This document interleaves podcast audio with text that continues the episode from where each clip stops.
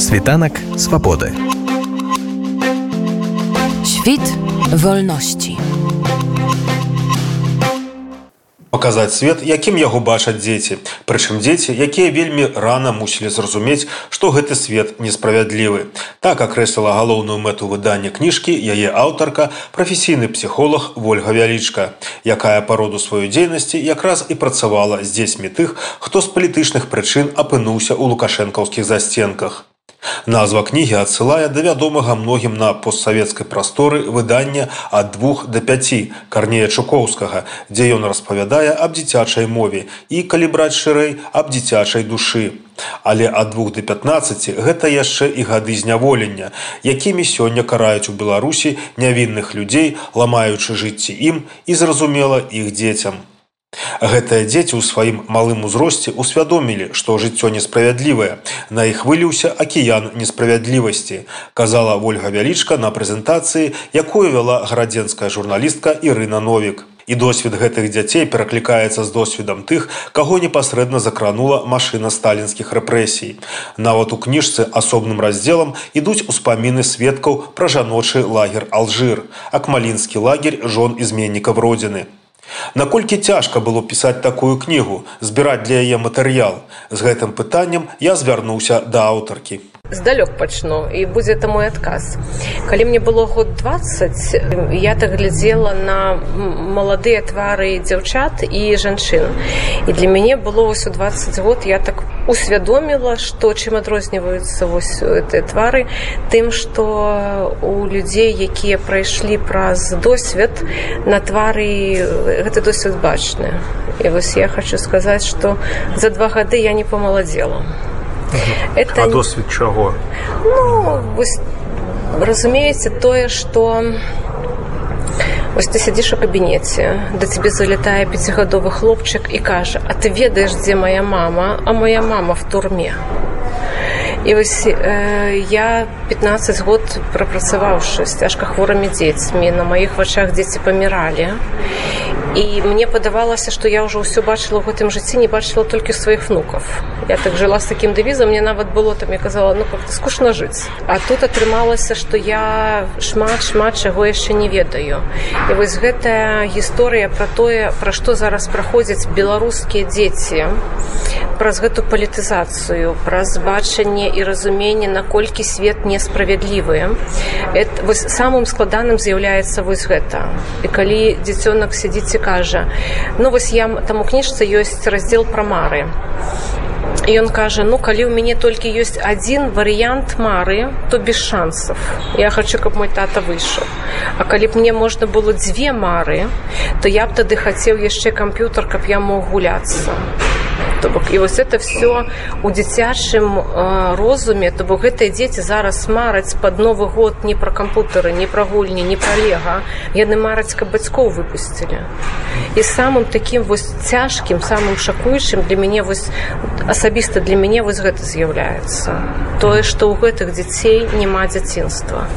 І наступствы гэтага яны будуць не толькі для гэтага пакалення а на два три четыре пакаленні наперад А наколькі ішлі на кантакт дзеці наколькі лёгка яны адкрываліся? Ўсё ж такі для малога дзіцёнка ведаць што яго бацька ці маці знаходіцца ў зняволенні то бок прыраўніваецца да нейкіх злачынцаў бандытаў. Я мог гэта цяжко спрымаць я просто ведаю гэта по-свайму дзіцёнку які пытаўся як ты мог адпагнуцца там сярод гэтых людзей.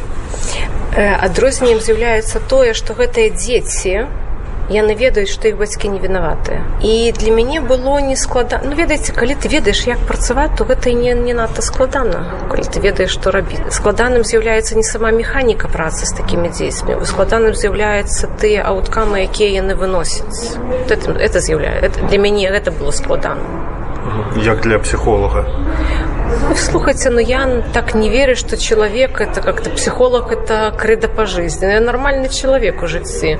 Тобто, ну, ти там, ну, я ось вийшла з праці, я не психолог. Я сама собі не психолог. А там психологи ведають, як там стрес зняти. Ну, это то, то самое, что стоматологи они ведають, як зуби лікувати, но самі собі вони ж не полечать. Это так, так само это такая ось історія.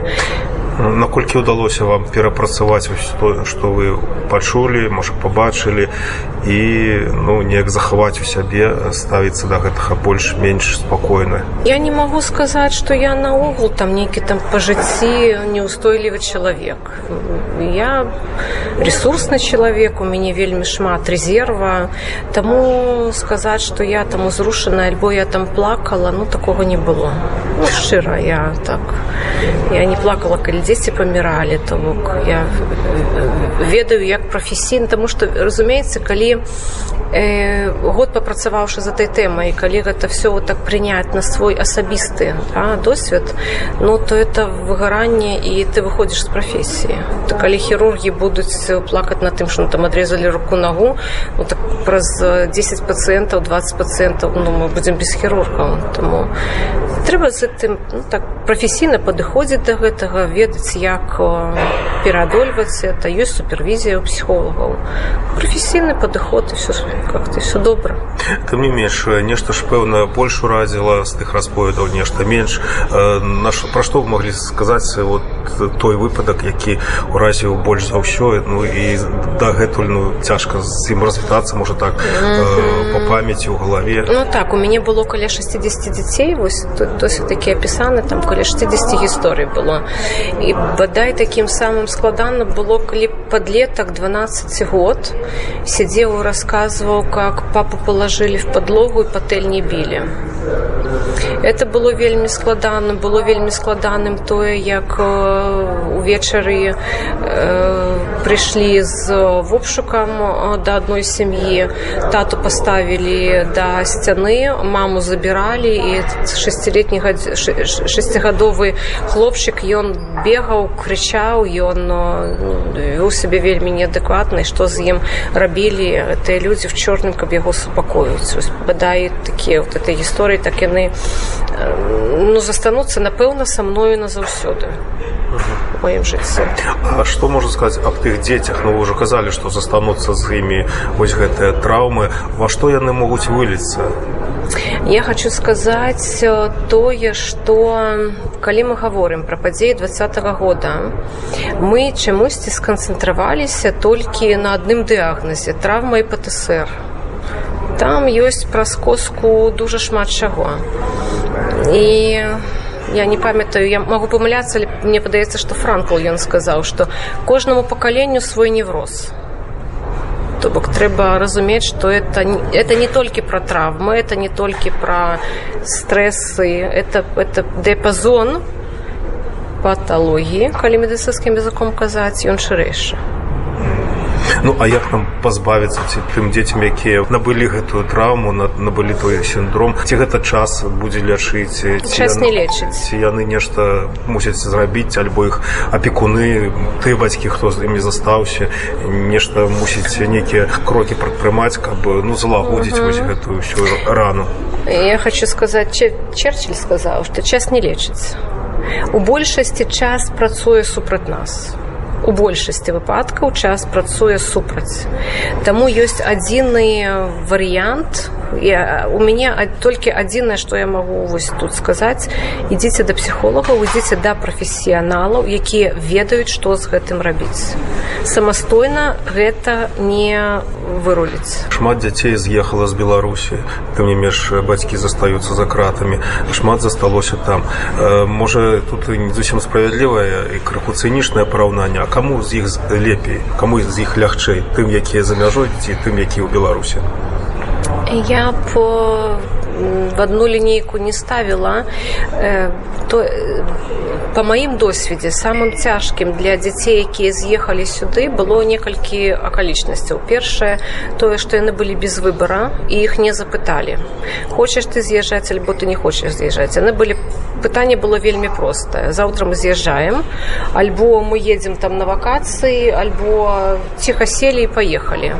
Это вось одна акалічнасць. Другая акалічнасць гэта тое што дзеці якія выехалі ім трэба прыстасоўвацца да новай мовы да новай культуры да новых сацыяльных канструктараў.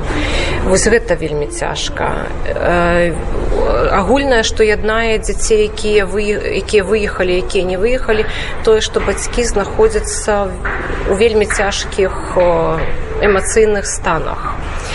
Для дзяцей якія застаюцца ў беларусі самым складаным з'яўляецца вось гэта падвоеная рэчаіснасць калі ў школе ідзе вельмі жорсткі вельмі такі дырэктыўны адзіны правільны выверены ідэалагічны падыход.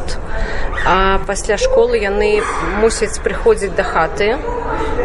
Яны маюць тыкток яны маюць інтэрнэт і яны разумеюць што ну как бы тое што тое што нам кажуць у школе яно круто адрозніваецца ад таго жыцця якое мы бачым па-за сценкамі школы.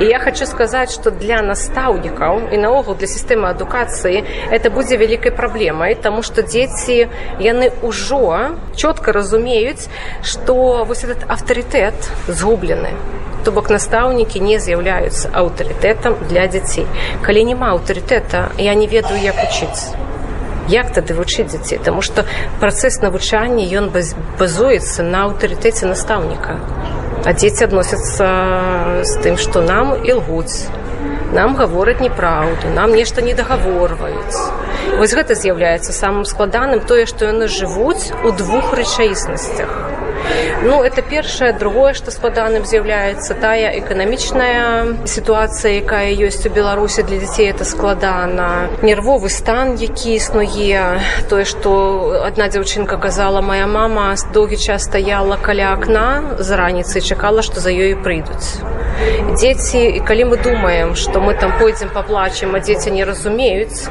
дзеці выдатна яны могуць яны можа не разумеюць але яны выдатна адчуваюць і это больш чым разумець Таму што я некаторыя працэсы таксама не разумею але я вельмі добра іх адчуваю. І это больш чым проста разуменне Таму што калі я это адчуваю я знайду адказ чаму так то бок я праз некаторы час я зразумею Таму што каб зразумець трэба адчуваць вось яны адчуваюць вельмі добра што адбываецца паслухаўшы вас вельмі такі змрошны прагноз вымалёўваецца ў галаве ці можаце вы неяк яго у пазітыўны такі ракурс направіць о пазітыўны ракурс слухайце мы ў двадцатым годзе выходзілі на вуліцы мы сказалі мы хочам перамен у кожнага працэса ёсць свой кошт ёсць цана мы платим. Я вам больше скажу, мы платим, узяўшы у крэдыт у наших дзяцей. Мы не маем столькі тое, што мы закруцілі ў двадцатым годзе, мы, у нас няма столькі ресурсаў, ну няма столькі грошай умоўных. Да? Мы взяли в крэдыт у наших дзяцей. Я не ведаю, это таксама не вельмі пазітыўная гісторыя. Пазітыўная гісторыя ў тым, што я вельмі спадзяюся, што зараз не будзе людзей, якія будуць казаць, што мы, мы па-за палітыкай. Што людзі усвядомяць, што палітыкай трэба цікавіцца, таму што калі ты не цікавішся, будзе вось тое, што адбылося. Людзі навучацца самыя гэтаму, людзі навучаць сваіх дзяцей. І я веру ў беларусаў. Зараз мы на тым этапе, што на вельмі складаным этапе. Это процесс. Треба разуметь, что ай, не все тут все, не все пропало. Это процесс. Мы на этом процессе мы годно трымаемся. И тут э, справа у тым, что, ну, коли так широко казать, вот я, для меня это, это мое особистое, для меня это бачится так, что э, схлестнулись две идеологии на адным боку тая ідэя што жыццё чалавека не каштуе нічога і жыццё чалавека это просто ресурс якога сёння ёсць а заўтра няма і мы не шкадуем.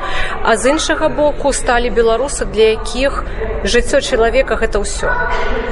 І тут ідзе вось ну такая это больш чым ідэалагічная гісторыя. Это такая это вот это супрацьстаянне яно двух светапоглядаў. І э, это не хуткі працэс. Я цешуся тым што мы можемм гэта назіраць выбіраць і з майго пункту гледжання выйграе той светапогляд які зможа уперецца в задачу і пратрымацца больш пакаленне якое вот для якіх жыццё значыць все яно маладзейшае мы не такія паношаныя зношаныя я думаю что мы уперлись я думаю что мы как жыццё фізіалогія прырода дапаможа перамагчы лишь ну трэба разумець што будзе пасля перамогі Калі вы хочаце даведацца пра тое, што адбываецца сёння ў Беларусі, прачытайце гэтую кнігу. Раіць нобелеўская лаўрадка Святлана Алексеевич у сваёй анатацыі да выдання Вольгі Вялішкі, якое з'явілася ў кракаўскім выдавецтве Гутенберг. Світанак свабоды. Świt wolności.